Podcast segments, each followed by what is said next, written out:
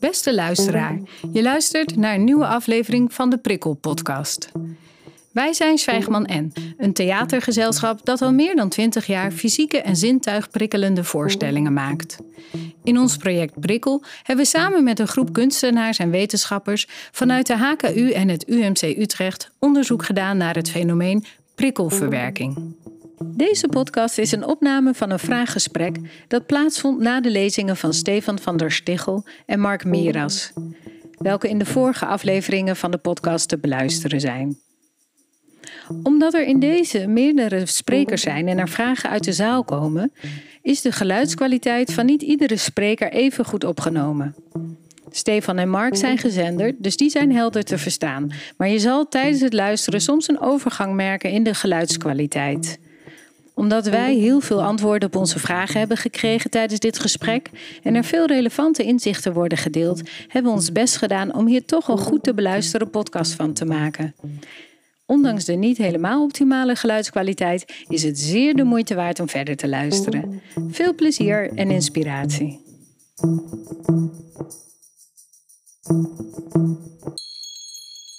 Er is heel vaak de vraag: leven we nu in een maatschappij met meer prikkels of hoezo zijn we zo overprikkeld? Uh, en dan denk ik altijd: nou ja, in ons onderzoek kwamen we er ook wel achter dat we soms dat, dat we niet alleen de zintuigen aan de, die, eh, hebben die naar buiten toe gericht zijn, de vijf, bekende zintuigen, maar dat we eigenlijk ook de zintuigen, jij noemde hem ook al, de balans, hè, de proprioceptie, de interoceptie, dat er ook heel veel zintuigen zijn naar uh, binnen toe. Uh, naar het lichaam toe. En daar heb ik eigenlijk best wel veel vragen vaak over in ons onderzoek hierin.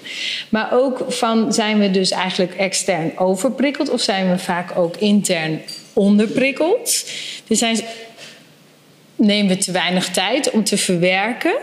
Maar jij zei zojuist ook eigenlijk, of hebben we te veel stress? En eigenlijk een beetje wat ik uit jouw praatje haalde, Mark, is ook best wel dat die stress zo. Uh, zo bepalend is in het gevoel van overprikkeldheid. Kan je me daar nog iets meer over zeggen?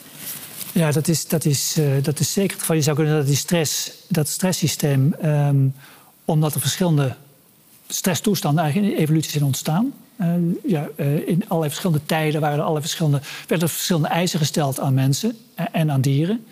Um, en het betekent dat wij als het ware een soort nou, de, de, de, de, geschiedenis met ons meedragen. Um, en daarmee eigenlijk een keuze hebben. Je, je, ziet ons heel snel switchen, eigenlijk voortdurend switchen tussen die verschillende systemen. Uh, op het moment dat je echt geïnteresseerd bent, dat je echt plezier hebt, dat je nieuwsgierig bent naar iets, dan ben je in een hele andere toestand op het moment dat je, dat je, nou ja, dat je iets moet doen wat anderen je opdragen. En, en dat is ook wat heel veel mensen nu hebben, hè, dat ze voortdurend de taken van anderen het uitvoeren zijn. Um, en daarbij minder plezier hebben. Ik zat net te praten met uh, iemand die hier schoonmaakt.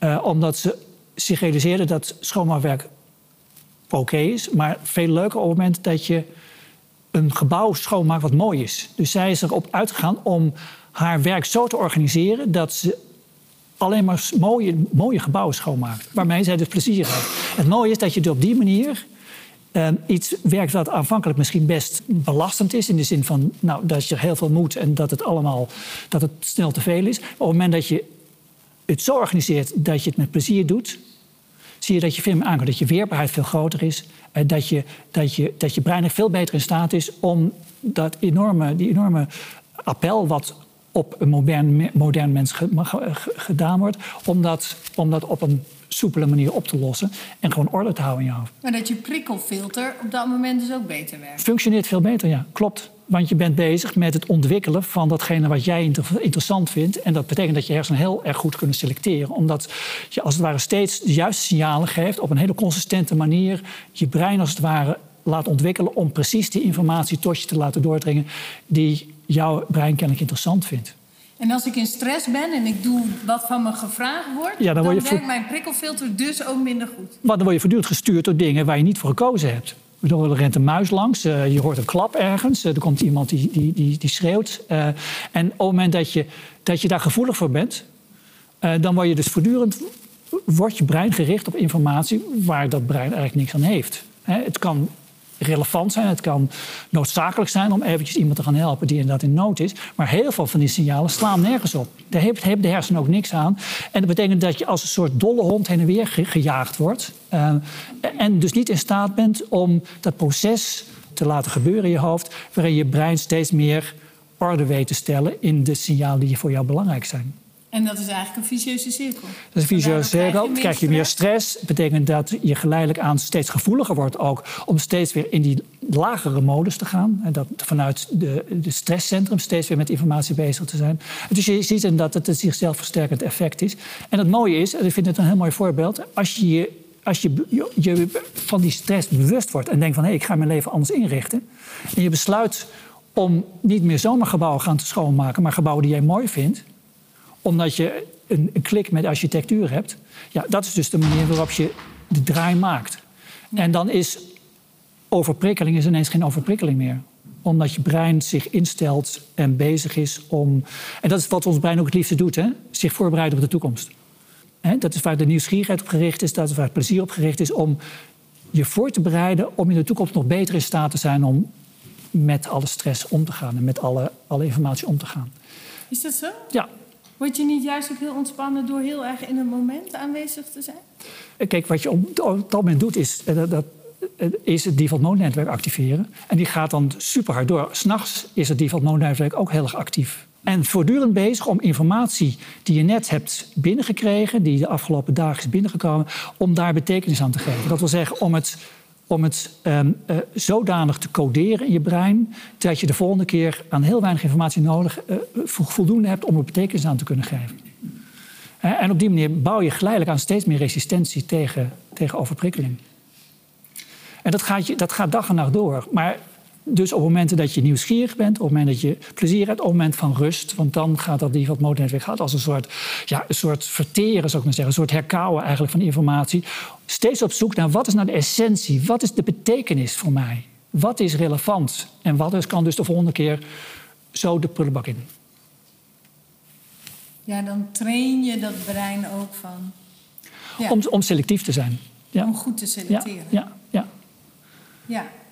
En dan voelt het niet meer als stress, maar dan voelt het juist als fijn, als, als plezier. Dus het is maar net in welke stand je staat, hoe een overkill aan informatie wordt ervaren. Op het moment dat je in een stand staat waar je bezig bent om de, de essentie uit te halen, dus je bent bezig met de toekomst nog beter te begrijpen, dan is veel informatie heel fijn. Want dat kunnen je hersenen kunnen daar heel erg goed, kunnen ze daar uh, uh, de, de essentie uithalen. Als je gaat kijken, kinderen die aan het spelen zijn, die zijn voortdurend zijn ze in de weer. En voortdurend, ze doen nooit twee keer hetzelfde. Zijn voortdurend zijn ze bezig om nieuwe situaties te scheppen. Dus ze zijn eigenlijk wel een motor voor, voor, voor nieuwe informatie. Uh, en door juist op een samenhangende manier een veelheid aan informatie te genereren, zijn je hersenen optimaal in staat om vervolgens, als je even tot rust komt, dat zie je kinderen ook doen, dan gaan ze even in een hoekje zitten. En dan zijn hersenen zijn het kijken, wat is de essentie? Hoe kunnen we dit zo coderen dat we de volgende keer een heel weinig informatie voldoende hebben om deze situatie te beschrijven en betekenis te geven. Om precies te weten wat we moeten weten. En dus ook precies te weten wat we niet hoeven te weten. Wat we kunnen weggooien. Dus dat is eigenlijk wat je doet als je aan het verwerken bent. Mag één dingetje toevoegen? Want het is wel heel interessant. Um, heel even nog, want ik ben heel benieuwd naar jullie mening uiteraard. Maar eh, een van de dingen die we, we misschien nog een beetje over, over het hoofd gezien hebben... is we hebben het heel erg over prikkels van buiten. Daar begon jij mee, daar werd ik even door getriggerd... dat we het ook heel erg hebben over prikkels van binnen. Eigenlijk alle regels die we hier een beetje hebben verteld in principe... gelden ook voor alle gedachten die bij je opkomen. Alle zorgen die je hebt. Alle interne prikkels. Misschien zit je nu hier wel. En hebben we een ruimte gecreëerd waarin je goed kan focussen op wat wij zeggen. Maar als je thuis zorgen hebt of als dingen in je leven spelen... dan lukt concentratie ook niet. Dus er kunnen ook van binnen prikkels zijn die om aandacht vragen. Pijnprikkels, emotieprikkels. Uh, dus het zijn niet alleen prikkels van buiten, maar waar we het ook over hebben, zijn prikkels van binnen. Ook dat, daar moet je op kunnen filteren. En ook die kunnen de aandacht, die kunnen ook afleiden op het moment dat je je probeert te, te concentreren. Dus het is niet alleen maar een samenleving die we gecreëerd hebben, waarin we van buiten allerlei aandacht wordt gevraagd. Maar we hebben ook een wereld gecreëerd met competitiedrang en met allerlei sociale druk, zorgplichten die we hebben. Waardoor je dus ook intern veel afleidingen hebt. Dat wil ik graag nog eventjes toevoegen. Want daar, het, is, het, het, lijkt wel alsof we het alleen maar over de buitenwereld hebben. We hebben het ook absoluut over de binnenwereld. Ja, dus dan kun je ook zeggen, die prestatiemaatschappij en al die concurrentie en het kapitalistische systeem met al die concurrentie. Oorlogen. Geeft allemaal stress. Ja. En dus zijn we overprikkeld. En niet eens per se omdat er zoveel meer prikkels zijn, maar ook gewoon dat. de omgeving zit, maar als het binnen chaos is, dan lukt het niet. Ja, nee, zeker. En dan vind ik nog wel, uh, ik, een, wel interessant, waar wij het ook nog uh, ook daarnet over hadden. Ik, ik, was zelf zo bezig met, we krijgen dus heel veel prikkels binnen in ons brein. En ons brein is maar in staat, of uit die miljoenen prikkels, maar een paar prikkels naar het bewuste brein. Hè, dat is wat je filter doet. Laat het naar het bewuste brein door. Dus met die prikkelverwerking heb je het dan steeds over die prikkelfilter, die dus maar een klein en steeds die strenge selectie moet toepassen. En dat is dus aandacht. Dat vond ik echt interessant. Want ik dacht de hele tijd, waarom heeft dat prikkelverwerkingsding, wat je dus ook bij ADHD en bij autisme spectrum en bij al die dingen de hele tijd gaat ook over prikkelverwerking. ADHD gaat ook over attention, dus, hè, over aandacht. Uh, we hebben hier ook in de expo zo'n bolletje wat je volgt, weet je wel. Dat spel met die focus en die aandacht. Wat heeft aandacht en focus nou toch te maken met die prikkelverwerking? Ze komen elkaar de hele tijd tegen. Maar wat mij dus wel heeft geholpen, wat jij zei, eigenlijk dat is aandacht. Aandacht is welke prikkels wel of niet door worden gegeven naar het bewuste brein. Ja, ik, perfect. Ik, kan, ja, ik zou niet. Die eerstejaars dat eerstejaars psychologiecollege tentamen ga je halen. Functieleer, uh, dit is, uh, dit is, dat is, uh, het is helemaal goed. Ja, maar het is interessant. Dat is eigenlijk die prikkelverwerking. Want daarom is dat nu ook zo'n hot item. Aandacht is ook zo'n hot item. Er is zo'n zo'n strijd om onze aandacht gaande in deze wereld. Daarom is die prikkelverwerking... Dat is gewoon één op één bijna hetzelfde. Ja, moeten we niet een keer prikkel gaan definiëren vanavond? Want ja. eigenlijk is dat, hangt bij mij nog een beetje boven de markt. Wat is nou eigenlijk een prikkel? We hadden het van tevoren ook eigenlijk heel erg over. Er zijn meer prikkels dan ooit. Maar toch, als ik mijn ogen open doe, of ik nou in de natuur loop of in de stad loop, qua mijn pixels, zullen we maar zeggen, van een computerscherm, die zijn gelijk. Als ik 1024 bij 768 pixels heb, komt wat binnen. Maar volgens mij waar we het over hebben, zijn dwingende prikkels. Er zijn meer prikkels die om de aandacht vragen. Er zijn meer prikkels waar we wat mee moeten. Er zijn meer variatie in prikkels. Dus misschien er zijn meer prikkels dan ooit. Ik vind hem, denk, we moeten hem even scherp houden. Daar ben ik toch een beetje een nerdige wetenschapper voor, denk ik. We moeten alles definiëren. Dat is toch ook het eerste jaar tentamen psychologie wat jij nou moet maken. Definitie van een prikkel, A, B, C, D. Uh, multiple choice, want dan kunnen we het makkelijk nakijken. Hm? Allemaal, ja, geef hem, geef hem. Ja, dat is altijd een goede antwoord. Nee, maar het is, volgens mij hebben we, zijn er meer aandachtvragende prikkels dan ooit. Zijn er meer prikkels waar we wat mee moeten. Ook in de natuur zijn heel veel prikkels. Maar daar hoeven we niks mee. En die vragen niet onze aandacht. Volgens mij, volgens mij hebben we het daarover vandaag. Ja, dan word je niet gestrest van. Het zijn al die aandachtvragende prikkels die je gestrest maken ook? Of niet? Want die moet je, die moet je negeren. Want die, die vragen om de aandacht, dat is een reflex. Daar moet je wat mee. Kosten energie, die zijn sterk. Die zijn ontwikkeld om je aandacht te grijpen. Die, zijn, die weten we precies. Op uh, reclamemakers weten heel goed hoe ze dat moeten doen. Die aandachtprikkel uh, vragen. Die is gevaarlijk, er steekt iemand over. Uh, dus het zijn volgens mij, volgens mij zijn dat wat we bedoelen als we het hebben over meer het verschil met het verleden. Dat roept een vraag op. Uh, ik had ook net op bij je verhaal met die twee plaatjes van natuur en steen. Ja. En ik dacht, oh ja, maar waarom is dat dan dat het in de natuur ja. meer en bij de steen niet? Een goede vraag. Um, dat komt omdat in de natuur er een samenhang is. Als je naar een boom kijkt, bestaat uit heel veel losse, losse blaadjes. En je zou kunnen zeggen dat het in de overdaad aan prikkels. Want ieder blaadje is, heeft een andere maat, heeft een andere oriëntatie, heeft een, net een andere kleur. Maar er zit wel een soort gemeenschappelijk idee achter. Er is als er één basisprincipe waaraan je een boom herkent. En dat vinden onze hersenen heerlijk. Waar ze dus uh, de weg kwijtraken in een cacophonie van losse prikkels. Maar als je naar een boom kijkt, zie je dat het allemaal samenhangt. En dat doet precies het omgekeerde. Dat geeft een enorm gevoel van bevrediging, geeft rust. Uh, dat versterkt de aandacht. Omdat onze hersenen, zou je kunnen zeggen, die zijn gemaakt om te puzzelen. Wij hebben puzzelhersenen. Die vinden het heerlijk om in een samenhangende uh, uh, stroom aan, aan prikkels... om daar de gemeenschappelijke delen van te ontdekken. En dus te ontdekken wat is de essentie en wat kan ik vervolgens vergeten. op het moment dat je die boom herkent... een lindenboom of het is, je ziet een berk... kun je de rest vergeten. Dan weet je het is een berk.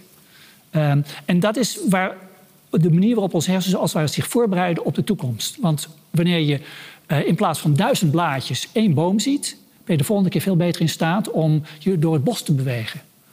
Um, en, en, dat vinden onze hersenen ontzettend fijn. Terwijl wanneer, al die, wanneer je naar een, naar, een muur kijkt, dus je eindeloze herhaling van, van die hebben geen samenhang. Of als je kijkt naar, uh, nou ja, een, een, een, naar, naar, naar ruis. En daar zit ook geen samenhang. En daar kunnen onze hersenen niet tegen. Dan zie je dat het ook in een soort stressmodus raakt. Dan is het juist belastend.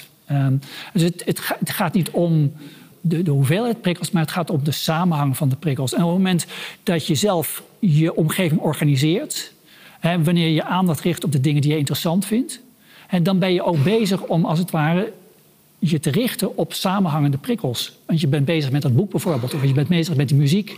De muziek heeft ook een enorme samenhang, want die componist heeft niet voor niks al die, die noten bij elkaar gezet. Er zit een eindeloze herhaling in. En dat is ook weer zo'n puzzel wat onze hersenen heerlijk vinden. En dan ervaren we dus veel prikkels juist als fijn. Ik misschien nog even door op wat meneer Van der Stichel zei? Eh, ik vond het een hele goede. Zullen we het eens hebben over de prikkels zelf? Zijn dan nou objectief gezien meer prikkels dan er vroeger waren? Ik denk dat er, en, en toen had u het over, ja, er zijn wel prikkels die ontworpen zijn om onze aandacht te brengen. Er zijn dus meer aandachtstrekkers per dag dan er vroeger waren. Ik denk dat dat een houdbare stelling is. Zeker, ik denk dat een hele houdbare is. Terwijl een natuur trekt geen aandacht, daar ga je heen om nou, gehele te ervaren, uh, verbinding met natuur misschien. Uh, of een ander doet het misschien niet zoveel, maar die moet het van popmuziek hebben, weet ik veel. Je zoekt een genot waar je heel van wordt. En dan ben je even niet afgeleid door die aandachtstrekkers. En er zijn wel heel erg veel aandachttrekkers die allemaal om geld draaien en die allemaal je aandacht vragen om toch maar vast te houden, opdat je om de zoveel seconden een reclame kan krijgen. Ja. Ik denk dat daar een enorme is geweest. Ik denk dat u daar volledig gelijk in heeft. Denk wel dat het, blijft natuurlijk interessant. Dat is wel een omgeving waar we, die we aan zelf ontworpen hebben. En is een omgeving waar we ons niet in hoeven te bevinden. We hebben het nu over de stedelijke omgeving. En we hebben het over een omgeving waarbij jij eh, een telefoon eh, voor je neus hebt. Dus het, is, het, is, het, het, het, het, is, het blijft een subset van de wereld die we op die manier hebben ingericht. En daar ben ik het volledig mee eens dat in binnen die domeinen, de stedelijke omgeving en de digitale omgeving, er meer aandachtvragende prikkels zijn dan ooit, ontworpen om onze aandacht. Het gevecht om onze aandacht is heftiger dan ooit. En dat zie je terug in het type prikkels die worden aangeboden. Mag ik daar niet over vragen? Maar wat maakt het dan uh, dat ik voel me heel fijn in de natuur. Ik voel me niet fijn bij al die prikkels van WhatsApp enzovoort. Maar wat maakt het dan dat ik dan toch daarvoor kies? Ja, die, die, die sociale media zijn natuurlijk heel bewust gemaakt om, uh, om de aandacht te trekken. En daarbij gebruiken ze allerlei subtiele technieken um, die aanhaken bij, um, ja, voor een groot deel bij wat primitievere uh, mechanismen in ons. Um, die inderdaad gericht zijn op het aandacht geven aan iets wat nou, wat, wat, uh, wat, wat dwingend is. Uh, wat uh, gevaar is er een van. Het gevoel van, eh, ja, um, misschien, misschien um, lig ik in mijn sociale omgeving uit, bijvoorbeeld. Veel van die signalen zijn gericht op, op steeds weer bevestigen dat je er nog bij hoort, bijvoorbeeld. Er zit een soort angst achter dat je er op een gegeven moment uitgemikt wordt. Dat je vrienden zonder jou verder gaan. Um, en, ja, eigenlijk wordt er dus heel bewust door deze sociale media vorm te geven, wordt er um, uh, uh, ingespeeld op dat soort wat primitievere mechanismen, die niet direct in het belang zijn van jou als, als, als, uh, als mens, maar wel omdat we nou eenmaal evolutionair zo ontwikkeld zijn om steeds weer. nou, daardoor zijn we er wel kwetsbaar voor. Ik zit op één sociale mediumdienst. Eentje. De rest heb ik, de rest heb ik verbannen uit mijn leven. Al nooit gedaan. Ik heb er één. En ik weet zeker als ik die nu open, dat dat programma kent mij zo goed. Die weet precies het allereerste wat ik te zien krijg, gaat iets heel erg interessants zijn. Ja, dat is bijna onmogelijk om dan niet. Ik bedoel, zij weten precies wat ik tof vind. En dat gaat dan oneindig door. Maar zij weten, dus ik weet dat er nu een belofte is van iets heel erg interessants. Ja, dat, dat is natuurlijk bijna onmogelijk om. Verstaat maar, als je ook nog eens een keer realiseert dat alleen zijn met je gedachten, als je bij de tram staat te wachten, als je bij de kassa staat te wachten, voor heel veel mensen heel confronterend is. Wat is het allerergste wat je een mens kan doen? Niets laten doen. Ze hebben een experiment gedaan, daar hebben ze mensen in een kamer, studenten in een kamer gezet, met niets behalve een apparaat waarmee ze zichzelf schokken konden toedienen. gemiddeld gezien had de student na 12 minuten zichzelf al een schok toegediend. Een moraal van het verhaal is, we geven onszelf liever een schok... dat we alleen zijn met onze gedachten. Dus je staat bij de kassa, je staat je te vervelen... en je hebt in je zak iets wat als je het opent... het allerleukste wat op dat moment beschikbaar is aan je laat zien. We zijn kansloos. Dus niet meenemen als je boodschappen gaat doen. Onder in je tas stoppen. De gewoontes doorbreken om hem te pakken. De drempel tussen jezelf en dat gedrag zo groot mogelijk maken. Net zoals sigaretten. Verstoppen, dat je meerdere stappen moet zetten. En als je hem eens een keer niet bij je hebt, dan weet je dat ik... Nee, ik pak hem niet. Weet je, ik moet hem aanzetten. Al je social media op de achterste pagina van de iPhone. Niet op de eerste. Je iPhone op zwart-wit. Allemaal om, je zo, om ervoor te zorgen dat het minder leuk wordt. En je meer stappen moet gaan zetten om er uiteindelijk in terecht te komen. En dan lukt het misschien, want dan wordt het gewoon minder leuk. ja. Er zit achter al een tijdje een prangende vraag. Ja. Zal ik er naartoe lopen met de microfoon? Is dat wat? Of, eh, of... Oké. Uh, in het kader van labels en dergelijke had je net over autisme, ADHD dat soort en aandacht. Um, in mijn ogen, wat ik ook lees en wat ik ook merk bij mijn kinderen, is de kinderen die dus een label hebben, dat die uh, heel lastig vinden om bijvoorbeeld op school gewoon lekker alle vakken te volgen. We doen alle vakken Nederlands vak en ik vind het superleuk. Dat dat gewoon heel moeilijk is, maar dat de kinderen wel heel goed gefocust kunnen zijn op een aantal vakken. Maar dat ze het heel lastig vinden om gewoon het hele vakpakket uh, te volgen. Terwijl kinderen zonder een label dat gewoon makkelijker doen. Uh, in mijn ogen, maar ook in wat ik lees. Hebben jullie een idee hoe dat kan in, in het kader van aandacht en prikkelverwerking? Heeft volgens mij ook met innerlijke motivatie te maken, maar daar laat ik de ja, heel veel, een aantal dingen innerlijke motivatie. We weten heel vaak dat uh, bijvoorbeeld kinderen met ADHD of autistische kinderen zich wel heel goed op één taak kunnen richten als het met fascinatie te maken heeft. Een belangrijke factor van wat u aangeeft ook te maken met het wisselen. Ik vind het best wel wat heftig als je een middelbare schooldag ziet, dat je continu gedurende een dag moet wisselen van vak van vak naar vak naar vak. En dat is best ingewikkeld ook nog eens tussenpoint een realiseren dat heel veel uh, brugklassen in hetzelfde lokaal blijven zitten. Waarbij de docent naar de klas toe komt. Dat is niet handig, om heel veel redenen. Laat ze nou even uit het lokaal, even een wandeling, even die bewegen, even die wisselkosten, even de werkgeheugen leegmaken. Frans leer je in een Frans lokaal, want als je Frans toets maakt, we slaan kennis partieel op. Maar goed, dat is een heel andere discussie.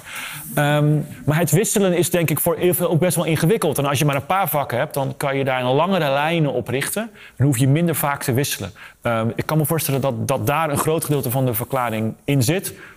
Uh, uh, maar er is vast meer aan de hand. Misschien heb jij daar een toevoeging op. Nou, ik, kijk het vanuit uh, het onderwijssysteem. Um, het kinderen ook wel heel erg lastig maakt. Um, um, je zou kunnen zeggen dat je um, uh, op, moment, op het moment dat je verveeld raakt, en dat is iets wat ontstaat heel bewust in de hersens, hersenstam zit een centrum wat op een gegeven moment het gevoel van verveling genereert. Uh, op het moment dat de hersenen denken van ja, dit gaat nergens meer over. en dat is heel erg lastig om dat te weerstaan. Het is heel erg raar dat we kinderen dwingen om dat te doen. Dus zeggen we, je moet gewoon blijven opletten, ook als je het niet interessant vindt. Uh, normaal als volwassene ga je dan gewoon even iets anders doen. Uh, tenzij je ergens misschien uh, een lezing bijwoont. Dan is het niet... Maar we kennen allemaal die neiging om weg te gaan. Als je denkt van, nou, dit vind ik niet interessant. Wat um, kan dat het bij het ene kind ja. dat hij echt gewoon denkt van, nou ja, prima, ik blijf hier wel zitten. En het andere kind echt. Nou, ja, ja, ja, ik heb dat gevoel dat die, die groep die dan altijd braaf precies doet wat de bedoeling is, dat daar dus ergens een soort. Uh, dat die afgericht zijn waarvan je kunt afvragen of het heel gezond is. Uh, eigenlijk, eigenlijk is, is dus het, het, het, uh, het deviante gedrag, wat we vaak als afwijkend en vervelend ervaren, is eigenlijk het meest gezonde gedrag. Wat gebeurt er met een kind met ADHD waar je tegen zegt: zit stil en luister? Die zit stil, Misschien, maar luistert niet. Dus we hebben een schoolsysteem ontwikkeld waarbij kinderen stil moeten zitten. En waar, ik ben heel druk. U heeft misschien mij al begrepen. Eh, ik, praat, ik kan nog veel sneller praten dan ik nu doe. En eigenlijk vind ik stilzitten heel erg ingewikkeld. Ik heb geen ADHD, maar ik zit wel motorisch gezien in die hoek. U heeft een moeilijkere taak dan ik, want ik mag soms even opstaan. En, uh, dus in het schoolsysteem uh, hebben we gecreëerd dat kinderen stil moeten zitten en moeten luisteren. We hebben het over multitasken gehad. Dat is heel vreemd om voor te stellen als je dat niet hebt. Maar voor heel veel mensen is dat multitasken. Stilzitten en luisteren. Herkent iemand dit? U bent vanavond vrijwillig naar de lezing gekomen. Dus zullen er misschien niet heel veel zijn. Maar dat zijn de mensen die met de voeten zitten te wiebelen. Die zitten tekeningen zitten te maken. Uh, kinderen met ADHD kunnen optimaal leren als ze mogen bewegen. Ren maar naar het goede antwoord. Fantastisch initiatief. Om ervoor te zorgen dat ze maar mogen bewegen. Um, dus ik heb ook wel het idee, daarom terugkomend op die brugklas inderdaad. U gaf ook al terecht aan die beweging. Um, dat stilzitten en die motorische energie die ik kwijt moet. Ik ren mijn hele leven alleen maar hard om ervoor te zorgen dat ik soms even tot rust kan komen en me kan concentreren. Want het beste gesprek heb je met mij bewegend. Dit herkent u soms misschien niet. Andere mensen zitten misschien, jawel. Uh, weer die neurodiversiteit die we daarmee te maken hebben. Ook dat is iets in het schoolsysteem. Uh, ja. dat geldt niet alleen maar voor de kinderen met ADHD, maar ook voor de deviante kinderen. Ja. Want, uh, ja. Heel, hele, hele, hele, hele goede toevoeging. Hele goede toevoeging inderdaad. Het is, het is... Ik, denk, ik, zit, ik ben een paar keer door de tentoonstelling heen dat ik denk, kan je nog wat van die drie labels praten als je ziet hoe wij met z'n allen op een andere manier prikkels verwerken? Is dat nog wel te vangen in die Oh, vast niet. Oh, vast niet. En ik denk dat ook degenen die die labels ontworpen hebben dat niet denken, maar je moet wat. Uh, ik denk dat wat dat betreft binnen ADHD zien we al heel veel subtypes. Binnen autisme zien we al heel veel subtypes. Nee, natuurlijk is dat. Elk brein is anders. Op een gegeven moment komt iemand in een bepaald spectrum, in een bepaalde hoek, dat hij er last en moeite mee krijgt. En dan is het voor het zorgsysteem handig dat er een label opgeplakt wordt. Um, mag ik even opmerken dat de term attention deficit er hopeloos naast zit? Ja. Een ADHD'er heeft, aan, of een ADD'er ook, heeft aandacht voor alles en iedereen altijd. Hoezo tekort? Alleen focus, dat is het probleem. Want niet ook alleen, maar dat ja. is belangrijker dan wat, je, wat ze noemen concentratieprobleem. Ik, ik uh, toets je even helemaal, helemaal, ja. Ja, ja, nee, ik kom naar de hals. Ja. Even een andere vraag. We hebben het over stress. Uh, dat wordt nu als heel negatief uitgelegd. Maar er zijn meerdere soorten stress. Eén daarvan is een korte stressperiode die juist zorgt voor heel productief en heel Focus. Uh, inventief en uh, zeer, uh, nou ja, veel positieve tijd die je daaruit haalt. hoe past dat hierin? Nou, stress. Um, kijk, de vraag, oh, de vraag is: um, um, er wordt hier gesproken over stress. We hebben gesproken over stress. En, en de negativiteit die er... Dat, dat heeft een negatieve context. Eh, maar stress kan ook uh, juist voor focus zorgen. Hè? Zeker op het moment dat je eventjes heel snel uh, iets moet doen. Klopt. Ja, ja. Het stresssysteem is, is bijzonder divers. Um, de stresszorg, de manier waarop die stressor reageren... Is, is, kan heel erg verschillend zijn. Afhankelijk van in welke toestand je verkeert. De, iets wat iemand totaal kan blokkeren... kan een ander juist stimuleren. en daar komt omdat ons brein eigenlijk allerlei verschillende standen heeft om met die stress om te gaan. Het is een keuze uh, wat je doet. Uh, en het is denk ik heel belangrijk dat je als kind al leert welke mogelijkheden je hebt. Uh, hoe je met stress kunt omgaan, hoe je met overprikkeling kunt omgaan. Dat sluit even aan met wat ik net zei. Het is heel jammer dat we kinderen eigenlijk dwingen om iets te doen wat tegennatuurlijk is. En juist niet te luisteren naar hun, hun, hun, hun eigen innerlijke stem. Die soms zegt van ga iets anders doen en nu verveel je. En dus ook niet te kunnen zoeken op de manier waarop je, waarop je met, met stress en met overbelasting om kunt gaan. Uh, want dat moet je leren en dat is voor iedereen anders. Iedereen heeft een ander systeem. En het is een van de waardevolste dingen om weerbaar te zijn. Dat je in staat bent om afhankelijk van de situatie uh, daar op jouw manier mee om te gaan. Uh, en op jouw manier te zorgen dat je daar dat je goed optimaal kunt, uh, kunt blijven functioneren. Dat je niet afgeleid raakt. Uh, dat je in staat bent om niet geblokkeerd te raken door je stress. Um, en, en ja, dat, dat, dat is inderdaad niet in één, in, in één begrip, één stressbegrip te vangen. Stress is wat dat betreft. Ik heb wel eens horen zeggen, en dat, of dat, dat heet de stressparadox, dat mensen die het meest bang zijn voor de stress, daar ook het meest slachtoffer van zijn. Op het moment dat je slachtoffer voelt van een stressvolle situatie of van een overkilling informatie. En slachtofferschap zorgt ervoor dat alles in het brein minder goed functioneert en dan word je dus ook een slachtoffer. Daarachter was ook een vraag. Uh, dit geval is dat uh, ook niet heel veel, maar zegt dat uh, multitasken helemaal niet kan. Uh, of dat het niet iets is. Maar tegelijkertijd ook dan dat het stilzitten en soms dan moet je gewoon iets handen doen. Dat helpt met het luisteren. Dus. Eh, ja. ja, heel goed. Um, goede toevoeging inderdaad. Multitasken, ik heb, ik heb uitgezegd dat dat niet bestaat. Maar het betekent wel dat je een motorische actie tegelijkertijd kan uitvoeren. Eh, er zijn mensen die bijvoorbeeld, eh, toen het COVID kwam, uh, toen gingen heel veel studenten achter de camera zitten en toen gingen ze naar luisteren en ze zaten te breien.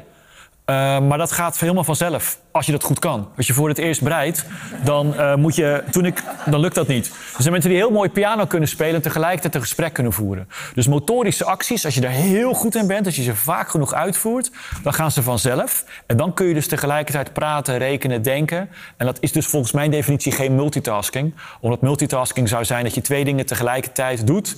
die allebei een beroep doet op je aandacht.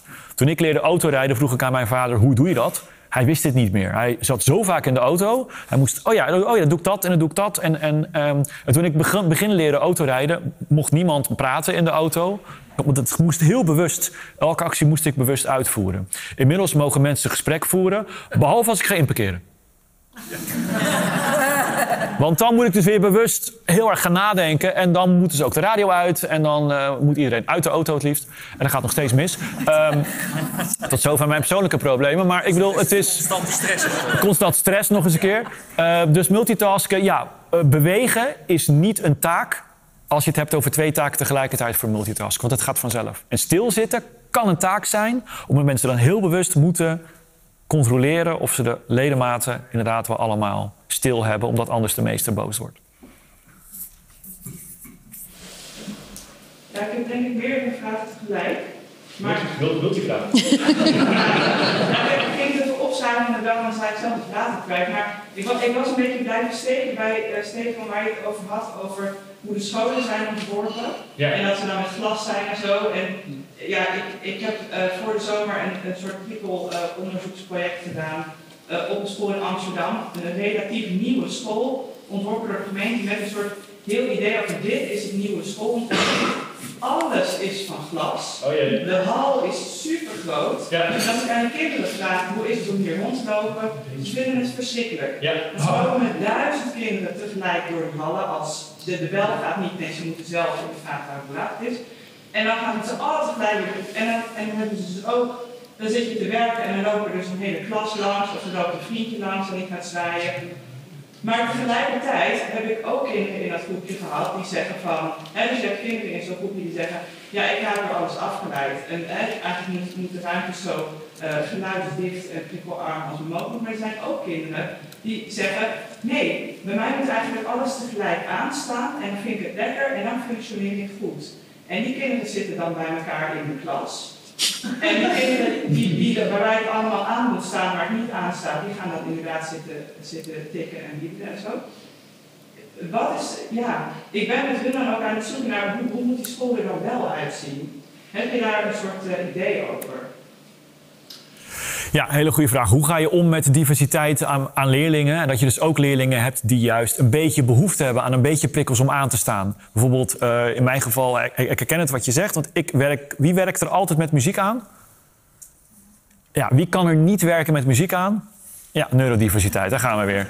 Dus het is best ingewikkeld, waarbij de een dus prima muziek kan wegfilteren en zelfs een beetje muziek nodig hebt om wakker te blijven, zegt de ander: nee, geef mij geen muziek. Qua wat we in ieder geval weten, en dat is denk ik echt voor iedereen zo. Een prikkel die abrupt is, trekt de aandacht. Dus als we het hebben over reuring, dan hebben we het gewoon over een beetje achtergrondgeluid. Niemand heeft heel veel last van het getik van die porseleinen kopjes, mag ik hopen. Het is. Oké, okay, oké. Okay. Slecht voorbeeld. Slecht voorbeeld. In een koffiezaakje, in een koffiezaakje, waarbij er gewoon een beetje geroezemoes op de achtergrond is. Daar kan iedereen relatief bij werken. Dus het gaat om de, de, de, sterke, de sterke, de nieuwe, abrupte prikkels. Ook een mooi, een mooi voorbeeld, denk ik. Je zit in een trein en er hebben twee mensen met elkaar een gesprek. Continu gesprek. Jij probeert een boek te lezen. Kan op zich wel, als we het vergelijken met de situatie, jij zit in de trein, er heeft iemand een telefoongesprek in die auto, of in die, in die trein. Dan wordt boeklezen heel ingewikkeld. Waarom is dat? Een boek of een telefoongesprek is prikkel, stil prikkel, stil. Terwijl een telefoongesprek is vrij continu. Het fysieke gesprek. U bent scherp. Ik sta vanaf 9 uur les te geven, dus ik ben een beetje moe. Maar heel fijn dat u, dat, dat, dat u er nog allemaal bent. Heel fijn. En, en dat u het voorbeeld begrijpt, dat is echt perfect. Um, dus dat betekent dat ja, er mag reuring zijn. Ja, er mag wat, er mogen wat, maar die prikkels moeten wel constant zijn. En dat betekent dat je daar wel dat je er met design rekening mee moet houden. Ik mocht ooit mee, meekijken met ABN AMRO. Die hadden een kantoortuin ontwikkeld. En dat dachten ze, we willen die van de Stichel, want die zegt er altijd van alles over. Dus zeiden ze, kijk eens, we hebben hier een ruimte ingericht. Die is perfect om te concentreren. Er is namelijk niks, alleen maar een paar bureaus. De rest was allemaal glas. En je kon daar zitten en er was, er was, er was niks waardoor je door, door afgeleid kon worden. En toen dacht ik, oh, want er liep alleen maar langs. Mensen die binnenkwamen moesten door een deur. En de, juist doordat er niks was, was alles wat nieuw is, trekt de aandacht.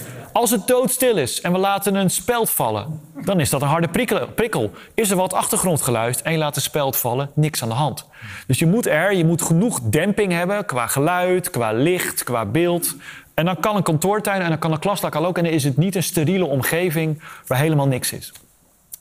Maar ingewikkeld. Maar er zijn genoeg voorbeelden waar, waar het wel heel goed kan. Waar het, waar het goed is gedaan. Ja.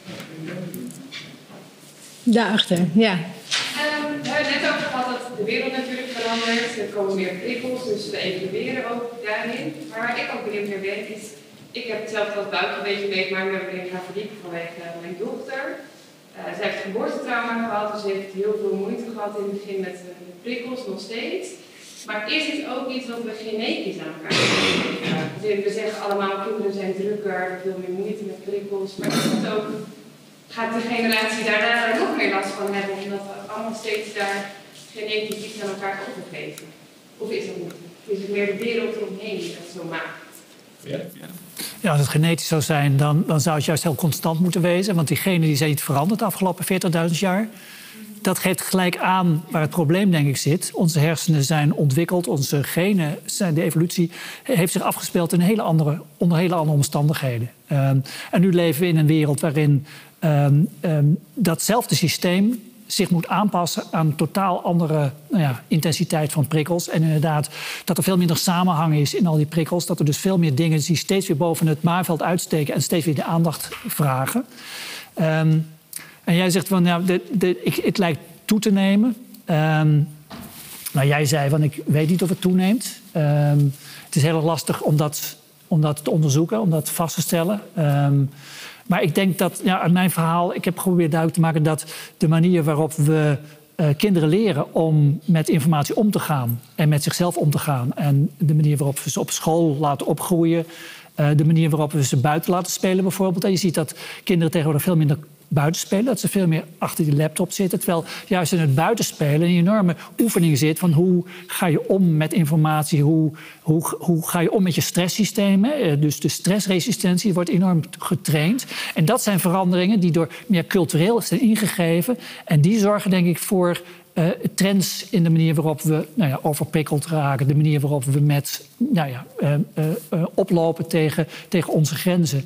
en er bestaat wel een neiging om dat inderdaad steeds door te geven aan de volgende generatie. En zoals je nu ziet dat ouders van nu, de, de curlingouders, enorm de neiging hebben om kinderen uh, alle mogelijke aanraking met stress uh, te ontnemen, waardoor ze dus dat stresssysteem niet ontwikkelen.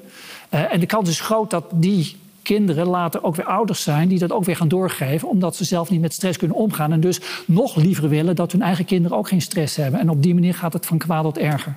Nog één keer over die definitie van prikkel. Gedachten zijn ook prikkels.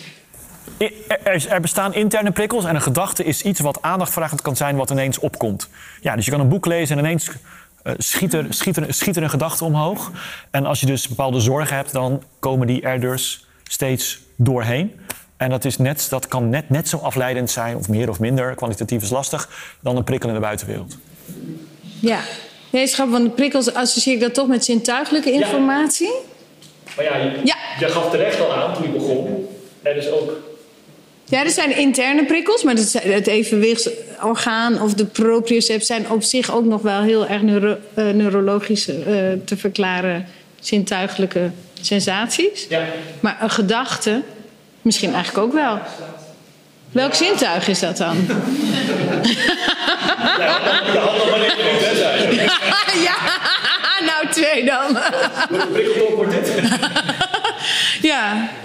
Ja, ga ik het doen? Ja, even heel- in een korte versie. Oké, de default netwerk waar we het net over hebben. eh, dat is, eigenlijk kun je zien dat concentratie is een strijd tussen, tussen je concentratienetwerk en je default netwerk. En op het moment dat jij een boek aan het lezen bent, maar je wordt afgeleid door gedachten van intern, dan zit je eigenlijk al in je default netwerk. Dus, dat, dus, dan, dus dan, komen, dan, ga je, dan ga je dagdromen. Hm? Dan weet je ook niet meer wat je Nee, dan ga ook over de tekst heen, maar er komt niks meer binnen. Je bent dan eigenlijk al aan het dagdromen, je bent dan in het default netwerk. Dus dat op het moment dat er steeds gedachten doorheen komen, is dat dus een signaal dat je concentratie op is. Omdat je continu, dus omdat je begint te dagdromen. Dus dat wat je dan ervaart, is ook wat je ervaart als je staat te douchen of als je aan het fietsen bent. Dat is een periode van dagdromen. Dat zijn eigenlijk gedachten. Dagdromen heeft voordelen, maar niet als je zit te concentreren. En daarom moet je tijdens gedurende de dag genoeg momenten dagdromen. Want het komt toch wel een keer. En anders komt het precies als je voor de tentamen aan het leren bent. En je moet gewoon zoveel. En je moet gedurende de periode, dagperiodes dagdromen. Het brein kan niet de hele dag gefocust zijn. Je moet voor een examen moet je dus uit, eh, zorgen dat je even. Goeie balans. Goeie balans op zo'n dag, ja. Wat wil je dan nog? Klein, ja, kleine aanvulling. Uit onderzoek blijkt dat we de helft van onze wakkere tijd dagdromen. De helft? De helft. Ja, dat, dat zijn we gelijk weer vergeten. Maar het is ongelooflijk veel dat je, dat je, dat je, je, je wel doorfunctioneert... maar dat je ondertussen dat default mode netwerk bezig is met het verteren... en proberen om orde op zaken te stellen. Dus de, de, de helft van de tijd zijn we ermee bezig. En de andere helft. Hangt een beetje af van de activiteit. Op het moment dat je de liefde bedrijft, dan, is er, dan werkt dat niet. Dan, dan... Maar in veel andere activiteiten zie je dat er ongeveer de helft van de, van de, van de, van de tijd breekt dat default mode netwerk in, omdat de recente informatie als het ware weer verwerkt moet worden. Dat, dat, dat moet voortdurend gebeuren, want anders wordt er de chaos in je hoofd. Dus dat is niet zozeer een zintuig, als wel dat het brein eigenlijk een herstelperiode afdwingt. Ja, ja maar, maar het, is, het is een losstaande unit. Hè? Dat is het mooie van de default mode. Dat zit helemaal los van de rest. Eh, Dus dat, dat, hoeft, dat staat echt los van de zintuigelijke processen. Dat kan zelfstandig, kan het als het ware eh, eh, nou ja, gedachten produceren. En dat is net als dingen, informatie die van buiten komt, is dat iets wat in je gebeurt en wat geregistreerd wordt. En wat de aandacht inderdaad kan, eh, kan opnemen. Ja. Dus in die zin vergelijkbaar. Very interesting. Ik ben hier nog niet helemaal over uit. Hier gaan we nog eh over dagdromen. een plekje in mijn brein geven. Ik wil jullie in ieder geval heel hartelijk bedanken, Steven en Mark. En jullie allemaal voor eh, alle mooie vragen en jullie aandacht. En eh, dan wens ik jullie een eh, fijn weekend.